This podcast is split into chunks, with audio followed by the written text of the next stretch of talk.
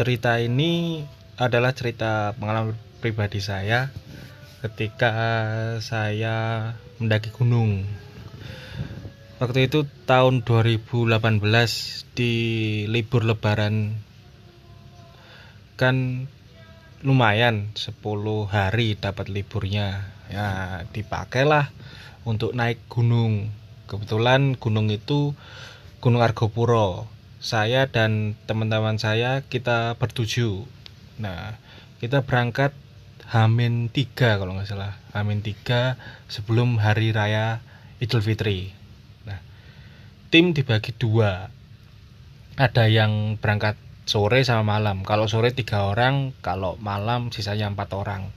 Kebetulan saya berangkat yang malam empat orang. Nah dari Surabaya kita kumpul di terminal Purabaya itu jam 9 ya ngopi-ngopi bentar sekitar jam 10 lebih kita baru berangkat menuju daerah namanya Besuki.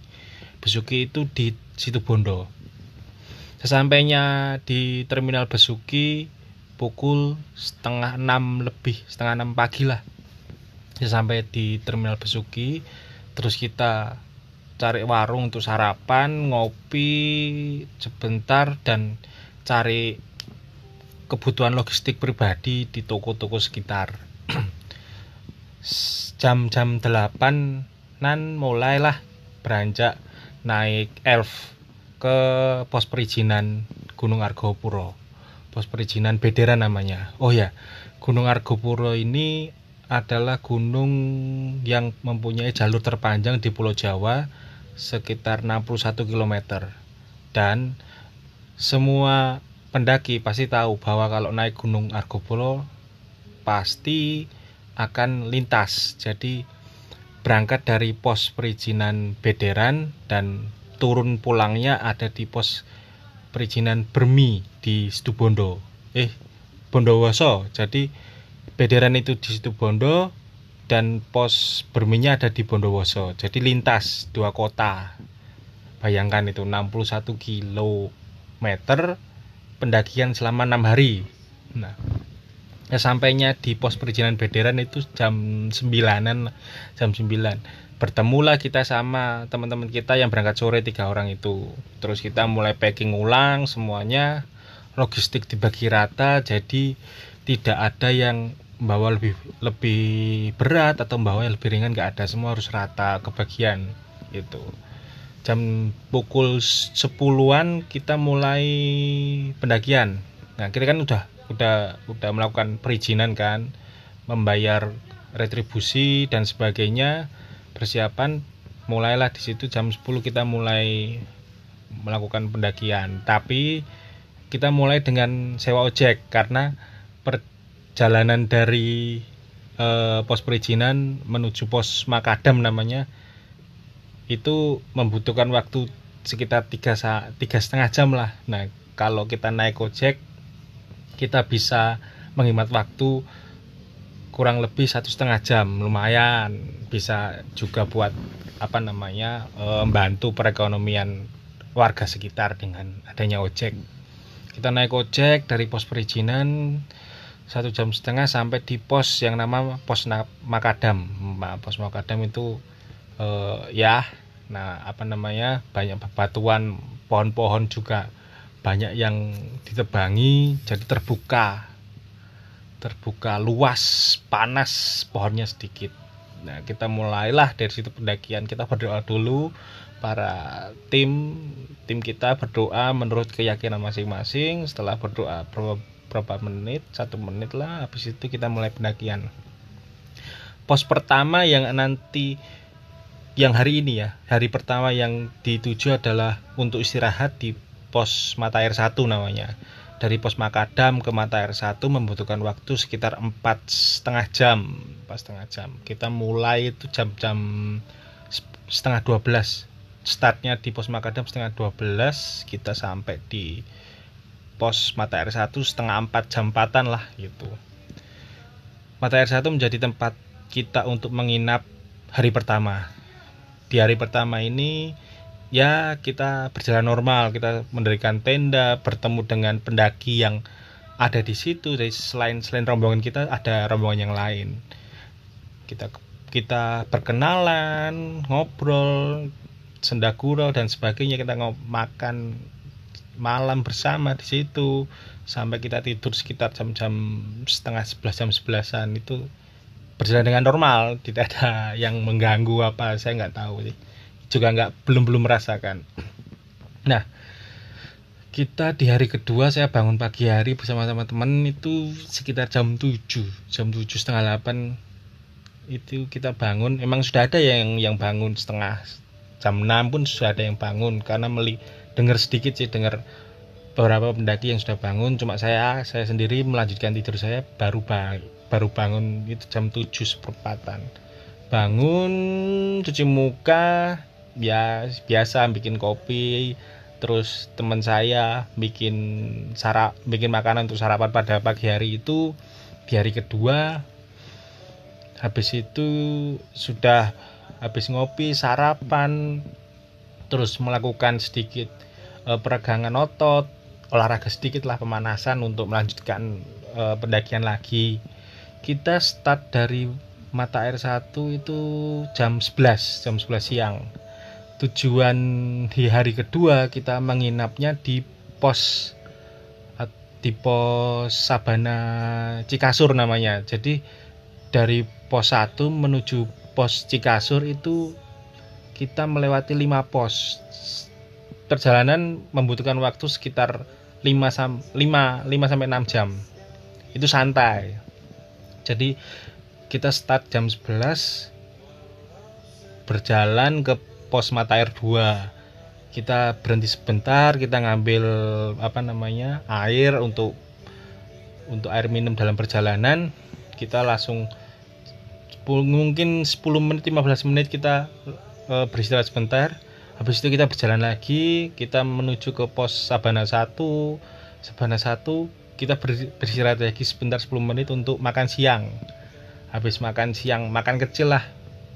Habis itu 10 setengah jam di situ kita lanjut lanjut lagi di pos Sabana 2 terus lanjut 3 4 dan akhirnya sampailah di pos Cikasur namanya di pos Cikasur kita sampai setengah 6 sore waktu itu pas dengan mau maghrib karena ada satu teman saya di HP-nya itu ada alarm untuk sholat biasanya kan gitu.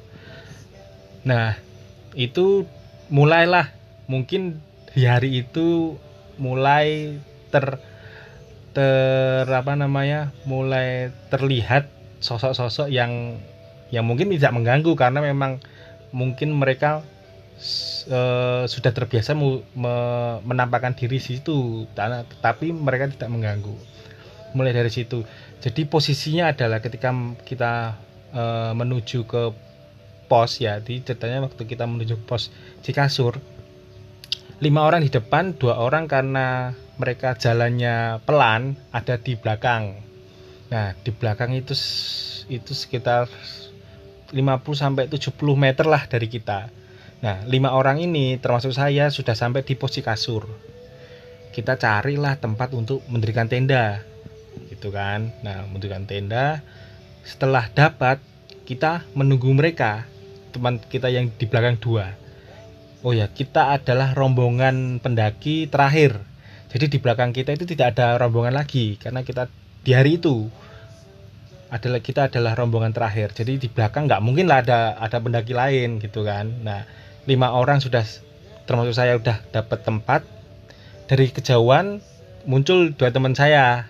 Biasa kalau pendaki dari kejauhan dari kejauhan kan pasti ada yang manggil manggil-manggil kan, oi. Nah, kita dengar, kita juga balas, oi, di sini, ya kan, sini sini, eh, ini gini, kan. Nah, tapi lucunya ketika kita kita berlima ya termasuk saya melihat ke dua teman saya yang manggil itu kan jaraknya lumayan lah 50 meteran ada. Kita melihat ya bukan cuma saya aja tapi lima orang ini ya melihat ada satu sosok di belakang mereka. Jadi lihat seperti tiga orang berjalan ke ke kita gitu kan. Padahal kita ber, kita cuma tujuh orang. Dan kita ber, kita adalah rombongan terakhir. Siapa itu yang di belakang mereka gitu kan ya ya kita kaget tapi tapi ya apa namanya biasa aja sih nggak nggak terlalu takut karena kita sendiri semua tujuh orang ini sudah tahu bahwa e, Cikasur itu ada sesuatu di situ ada di pos Cikasur ada sesuatu ya makhluk halus tapi karena kita sudah tahu ya kita santai aja gitu kan. Oh ya untuk sedikit info pos Cikasur atau atau disebut Sabana Cikasur dulunya adalah tempat landasan atau bandara kecil tempat landasan pesawat terbang pada zaman penjajahan Jepang. Nah, di pos Cikasur sendiri itu ada pos-pos atau bangunan kecil berbentuk pos mungkin apa pos-pos security lah kalau zaman sekarang tapi banyak e, itu sudah hancur jadi tinggal tinggal puing-puingnya tinggal tembok tembok-tembok kecil yang cuma berdiri se, apa namanya sedengkul di sekitar 60 cm atau 70 cm lah. Jadi bangunannya tinggal segitu-segitu bentuknya kotak-kotak dan e, menurut mitosnya ketika ada di situ pasti terasa atau e, dengar suara prajurit sedang berjalan selalu. Dan prajurit yang berjalan itu kayak baris-baris itu adalah prajurit yang tanpa kepala katanya teman-teman saya sih. Apakah mungkin salah satu uh, sosok yang mengikuti mengikuti teman kami yang berdua tadi adalah satu salah satu prajurit kita kan nggak tahu. Yang penting kita ya pikir positif bahwa kita datang ke tempat tempat itu yang sudah ada penunggunya kita sopan santun kita nuwun sewu dan kita tidak berpikir yang aneh-aneh gitu kan. Itu itu di hari kedua di hari kedua eh, pengalaman mistis yang benar-benar saya lihat bersama teman-teman saya gitu kan. Di hari kedua baru di hari kedua di Argopura. Ya udah kita mendirikan tenda terus ada yang eh, apa namanya masak. Setelah semua udah siap makanan udah siap ya udah kita kita apa namanya makan malam. Kita bikin bikin apa api unggun kayak di hari pertama kan kita bikin api unggun kita ngobrol-ngobrol dan di situ suhu udaranya mencapai 8 derajat jadi dingin banget di situ. Nah seterusnya di hari kedua eh, hal mistisnya cuma itu aja sih kelihatan sosok tadi untuk yang biasanya apa ada gerak jalan prajurit itu nggak terasa nggak nggak nggak kedengeran mungkin salah satu salah satu teman saya kan ada yang bisa melihat mungkin mungkin dia melihat cuma memang nggak ngomong nggak ngomong ngomong sama kita kita ya dia di, disimpan aja. Dan kita juga santai gitu kan. Ya bersyukurlah di situ tidak tidak tidak ada gangguan apa apa hanya sosok penampakan sosok yang ikut jalan aja sih. Buat nemeni kita biar gak ganjil karena kan tujuh orang mungkin tambah dia jadi delapan genap gitu. Nah kita mulai tidur sama kayak biasanya jam-jam sebelasan. Kita tidur semua kita bangun pagi hari di jam setengah tujuh. Lihat sunrise terus big apa uh, mumpung apa mataharinya sangat enak untuk berjemur. Kita sedikit berjemur karena udaranya tetap dingin di situ di angka 10 derajat 10 sampai 11 derajat kita apa namanya juga bikin kopi. Gak biasanya ada yang masak untuk sarapan pada pagi hari. Dan kita sarapan kita ngopi kita cerita lagi tadi malam itu siapa yang berjalan di belakang di belakang teman kita gitu kan. Kita cuma ngobrol ya bercanda. Ah nah, apa namanya wah nemenin aja nggak apa-apa gitu kan. Terus kita makan jam kita kayak biasanya jam 11 start untuk perjalanan selanjutnya gitu kan. Jadi kita sudah udah persiapan semua udah prepare kita berangkatlah jam 11 dari sini menuju di hari ketiga ya. Di hari ketiga kita menuju ke pos namanya Cisentor nah dari pos pos di kasur ke Cisentor butuh waktu 5 jam 4 jam 4 setengah jam lah 4 setengah jam sampai 5 jam kita kita jalan santai kita jalan santai dari dan sore setengah 4 kita sampailah di pos yang namanya Cisentor. Nah, di Cisentor sendiri itu ada satu shelter ya kayak pendopo gitu yang apa namanya berdiri di tengah-tengah apa di tengah-tengah untuk tempat ngecamp di Cisentor. Nah, tempat ngecamp Cisentor sendiri eh, ada samping tempat untuk ngecampnya ada sungai kecil yang deket banget lah satu dua dua dua meteran lah dari dari tempat ngecamp jadi untuk bisa buat mandi bisa buat apa namanya ambil air minum juga di situ nah eh, temen saya bilang di situ ada yang jaga di dalam shelter. Ada satu cewek yang kuntilanak lah gitu loh. Cuma memang nggak tahu ganggu apa enggak nggak. Saya juga nggak nggak terlalu bertanya sampai detail ganggu apa enggaknya ya udah kita mendirikan tenda di situ di depan shelter gitu kan. Di depan shelter. Terus di hari pertama dari pertama ya kayak biasanya bikin makanan untuk makan malam ngopi dan sebagainya ngobrol-ngobrol gitu kan. Dan kita tidur dan tidak ada gangguan di situ kan. Tidak ada gangguan kita tidur.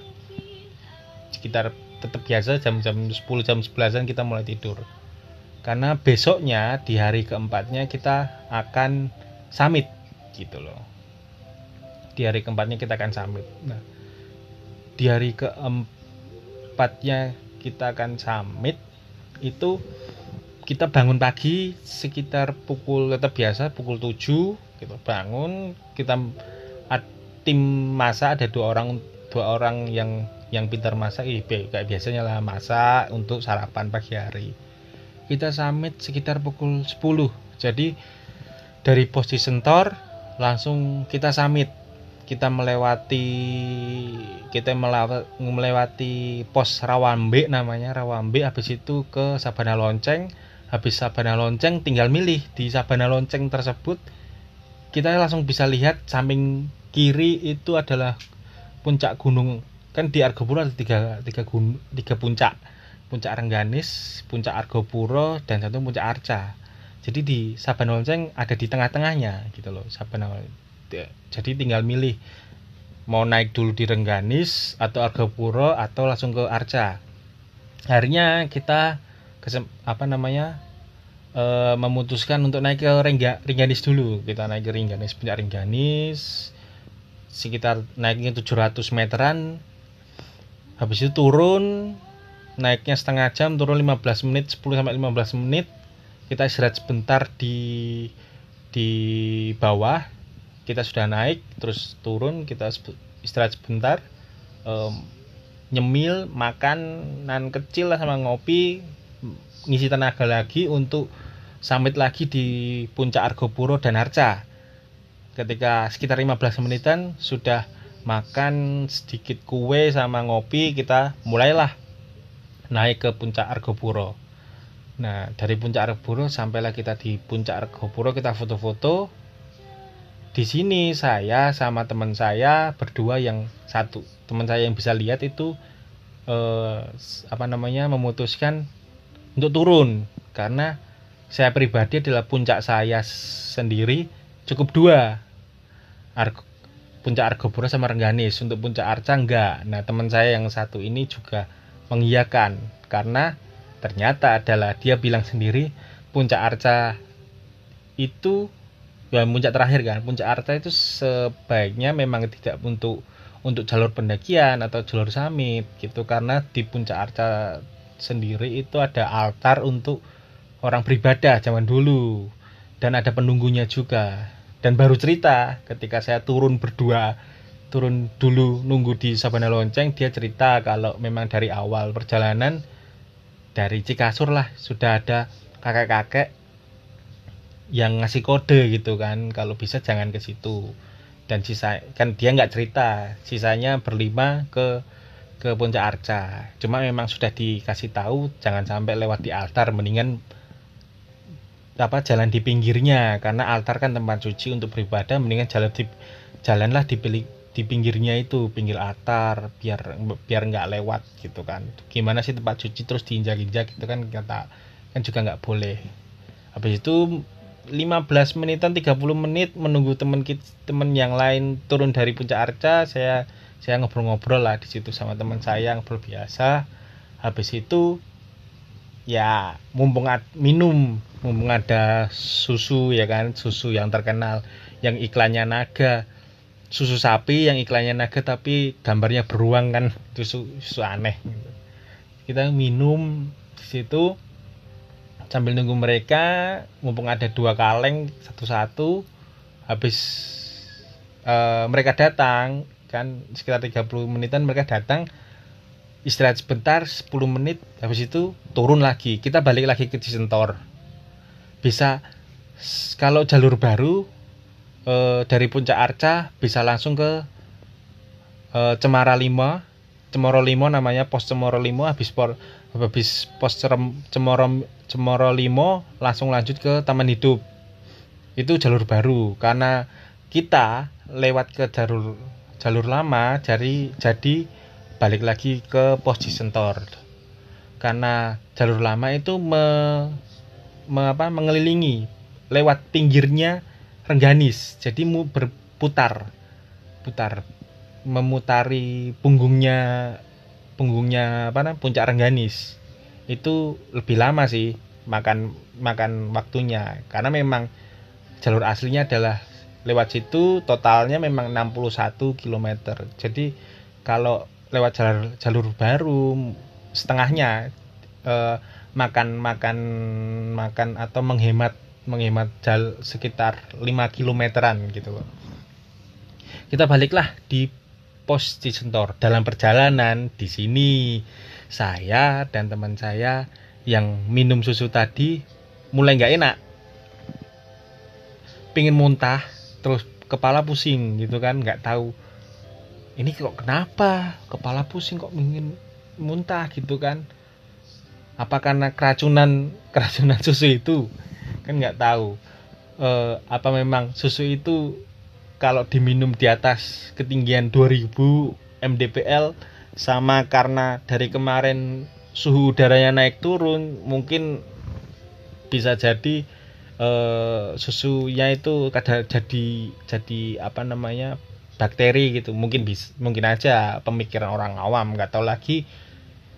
Karena lainnya kan juga nggak tahu. Tapi cuma dua orang ini saya dan teman saya gitu kan yang merasakan pusing sama mual pengen muntah sesampainya di di posisi sentor untunglah salah satu teman kami itu kan dokter. Dia bawa bawa apa namanya bawa obat obat muntah sama obat sedikit eh, vitamin lah gitu. Sampai posisi sentor saya dikasih obat ya kan? Sama teman saya berdua dikasih obat sambil dibikinkan makanan untuk makan malam. Habis habis makan barulah kita saya sama teman saya yang sakit itu e, minum obat. Nah habis minum obat istirahat. Saya istirahat. Nah beberapa jam saya langsung mual. Teman saya sudah juga apa udah muntah dari tadi.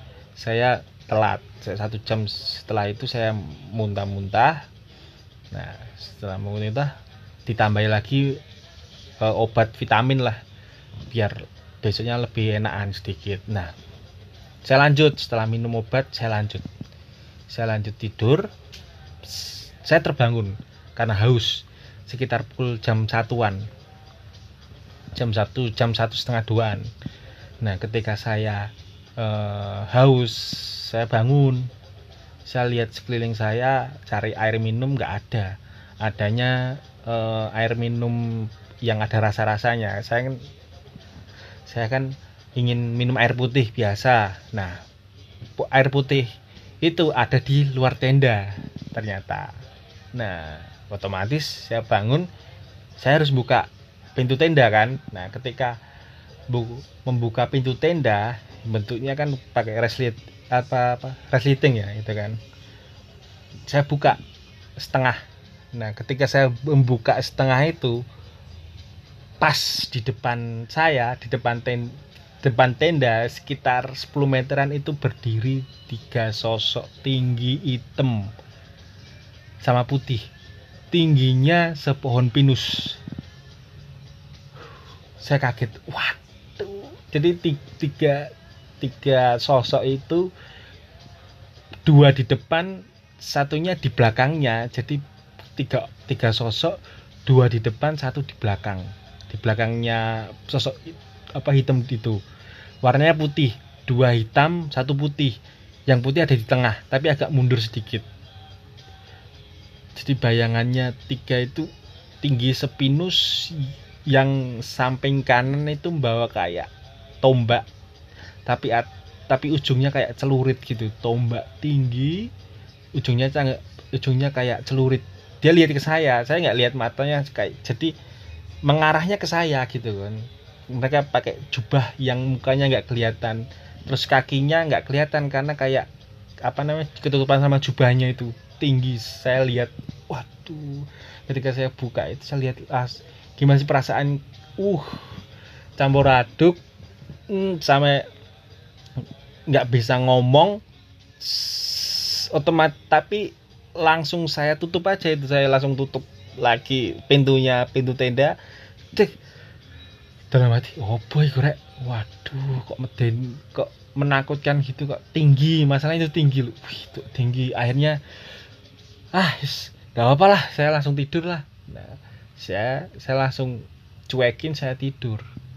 Tapi masih ke, kepikiran itu sosok apa? Tinggi besar bayangan pakai jubah hitam tapi di tengahnya itu di tengahnya di tengahnya pakai jubah putih gitu kan tiga. Saya masih kepikiran itu apa. Semoga nggak ada apa-apa pertanda apa pun nggak ya semoga tidak ada pertanda buruk atau apa apa gitu kan. Dan semoga tidak diganggu. Nah nah setelah berpikir kayak gitu saya memutuskan untuk mencoba untuk tidur. Saya langsung uh, apa namanya menjamkan mata beberapa beberapa detik lah nggak nggak sampai satu menit. Itu samping saya kan saya tidur di pojok paling pojok. Kalau kita masuk ke tenda saya paling kiri. Itulah posisi untuk tidur favorit saya di situ karena saya suka di pojok. Nah pas di pojok itu nggak sampai ketika saya memejamkan mata nggak sampai satu menit itu ada yang uh, apa namanya garuk. Semacam kayak digaruk. Grek grek gitu loh tendanya. Pas di samping muka saya. Itu grek waduh langsung nyiut lah nyali saya. Cuk apa meneh? Di dalam hati. Cuk apa meneh cuk? Ya ampun. Akhirnya saya merubah posisi saya. Tidur langsung menghadap ke kiri ya kan? Jadi gangguan itu ada di samping kanan saya.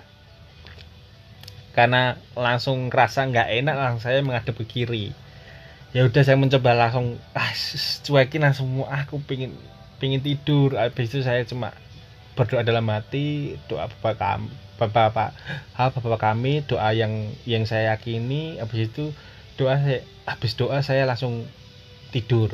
Ya saya ketiduran. Bukan ketiduran sih memang harus memang saya buat memang saya tidurkan biar biar nggak ada hal-hal aneh lagi. Habis itu ya bersyukur bisa tidur. Saya bangunlah besok. Pada paginya saya bangun tetap biasa jam-jam 7 dan saya nggak cerita ke teman-teman. Ah besok aja ceritanya gitu kan. Nah di situ ternyata ternyata ada satu teman saya yang apa namanya bangun terus dia lari ke ke sungai untuk mandi gitu kan. Untuk mandi tumben pagi-pagi langsung mandi gitu kan teman saya langsung cerita yo mas namanya yang mandi itu mas ucup gitu. Yo mas apa namanya oh, mas ucup tadi malam mimpi gitu kan. Mimpi basah. Ah mimpi basah? Kok aneh? gitu kan. Iya mimpi basah. Kan apa namanya bercengkraman sama kuntilanak itu. Wah langsung deh aneh pasti ya elah lapo sih mimpi basah gara-gara bercengkraman sama kuntilanak. Ya gue mikir uh berarti waduh kan. masih masih lumayan lah saya nggak saya cuma tadi malam lihat tapi nggak ngapa-ngapain gitu kan. Ya mungkin ya gitulah. Dan seperti biasa setelah ngobrol-ngobrol sama sarapan sama ngopi jam 11 kita mulai melanjutkan pendakian dari pos Cisentor menuju ke Taman Hidup pos terakhir. Taman Hidup sebelum besoknya lanjut apa namanya turun lagi. Sebelum turun atau turun ke gunung pos terakhir adalah Taman Hidup. Dari dari posisi setor ke taman hidup itu 8 jam kita perjalanan. 8 jam. Kita berangkat jam 11 sampai di apa taman hidup itu jam 7 malam pas.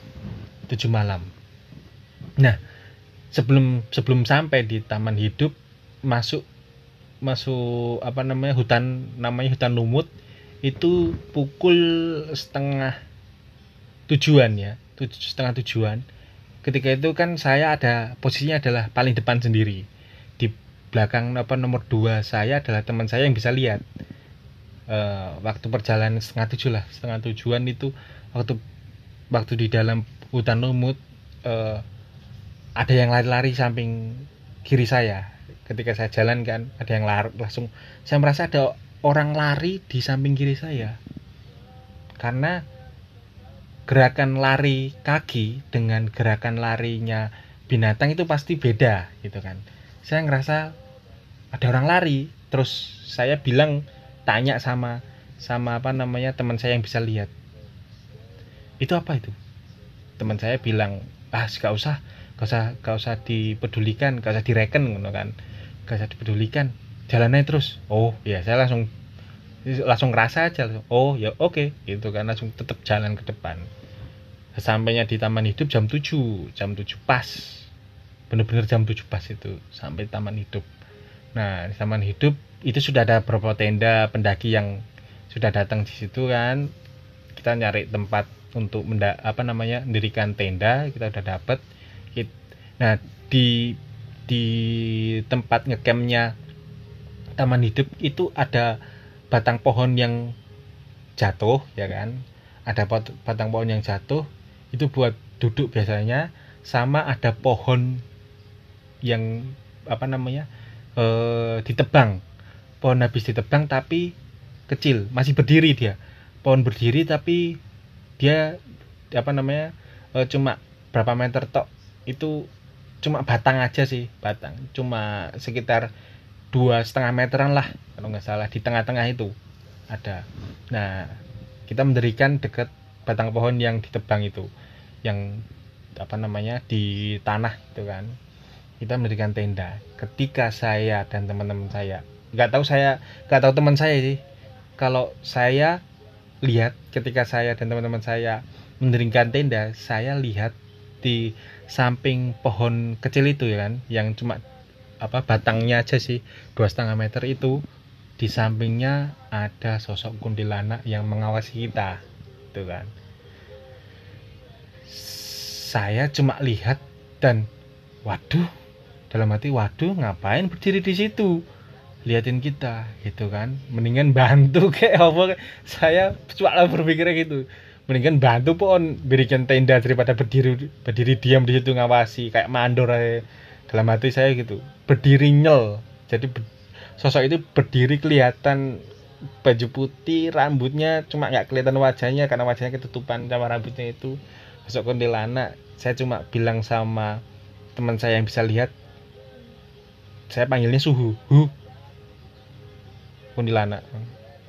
Saya cuma bilang gitu teman saya bilang wes Barno apa biarin biarin gitu kan. Ya udah kita fokus untuk mendirikan tenda gitu kan. Tetap mendirikan tenda. Dia tetap berdiri di situ sekitar satu apa namanya sampai satu dua menitan lah. Dua menitan dia tetap berdiri di situ. Saya dan teman saya yang yang lihat yang lainnya nggak lihat. Setelah selesai untuk mendirikan tenda bikin api unggun, bikin masakan, ya, kita ngobrol-ngobrol makan malam, sosok itu kan dah, dah hilang kan, dah hilang. Kita ngobrol malah, kita ngobrol, kita makan, ya udah, habis itu apa namanya ngobrol sama pendaki lain yang sudah ada di situ, kenalan dan sebagainya, dan uh, apa nggak habis itu nggak ngerasa apa ngerasain apa apa sih. Ada dua teman saya sekitar pukul 10 ya sepuluhan lah. Ada dua dua teman saya.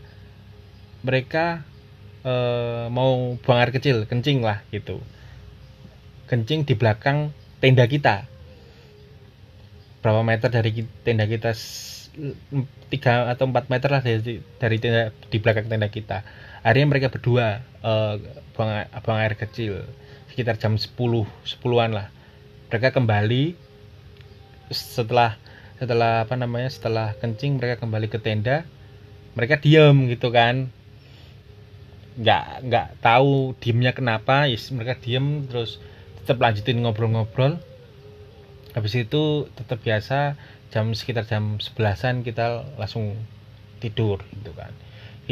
Keesokan harinya kita bangun uh, kita bangun tetap saya juga bangun jam 7 habis itu masak sarapan dan uh, karena taman hidup itu apa namanya ada apa uh, danau di gunung dan ada semacam jembatan kecil di tengahnya. Ada spot untuk foto-foto ya kita foto-foto di situ. Dari teman-teman ada yang dua orang untuk masak sisanya foto-foto di situ foto-foto. Setelah satu jam dua jam balik lagi. Enak-enak foto balik. Terus makanan tersedia. Makanan tersedia kita makan di situ. Ngobrol-ngobrol. Dan ternyata tadi malam dua teman saya itu ketika mereka buang air kecil uh, mereka melihat sosok genderuwo matanya merah uh, taringnya panjang bulu ya nggak terlalu tinggi mungkin tingginya sekitar 3 sampai 4 meteran berada di samping mereka saat 2 meteran berada di samping mereka samping kanan mereka. Liatin mereka kencing wih baru mereka cerita di situ pagi hari ternyata mereka kembali waktu selesai kencing mereka diem aja ternyata dilihatin sosok itu. Mungkin ya ya biasa lah nggak mungkin nggak cerita langsung gitu. Nah setelah mereka ngobrol ngomong kayak gitu kita ketawa. Ya syukur syukur. E, ngomong nih. Gitu kan biasa. Harusnya kan di mana pun kita berada eh, kalau kita apa namanya kalau orang-orang zaman dulu kan kalau kamu kencing ngom ngomong dulu permisi permisi gitu kan. Biar biar nggak biar nggak diganggu gitu kan. Nah setelah kita ngobrol apa namanya sarapan sama ngobrol kita turun jam dari taman hidup kita mulai turun jam-jam 12-an lah. Jam setengah 12 jam 12 kita turun.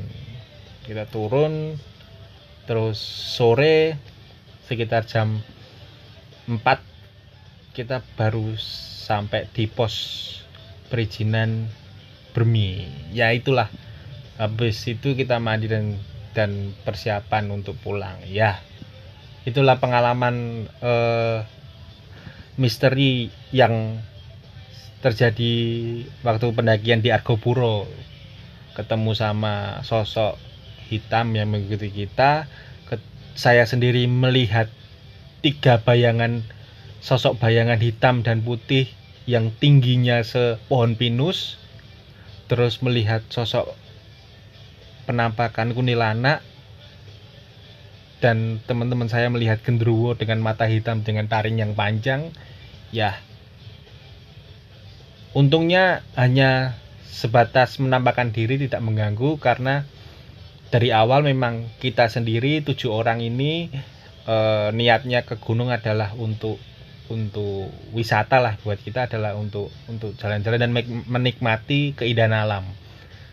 Jadi mereka e, menurut saya mereka menunjukkan dirinya bahwa ini loh saya yang menunggu tempat ini, saya yang menjaga tempat ini, gitu aja sih dan seperti halnya orang atau pendaki yang lama yang lainnya juga bahwa eh, kalau naik gunung itu sebaiknya memang niatnya yang baik tidak tidak eja tidak buruk.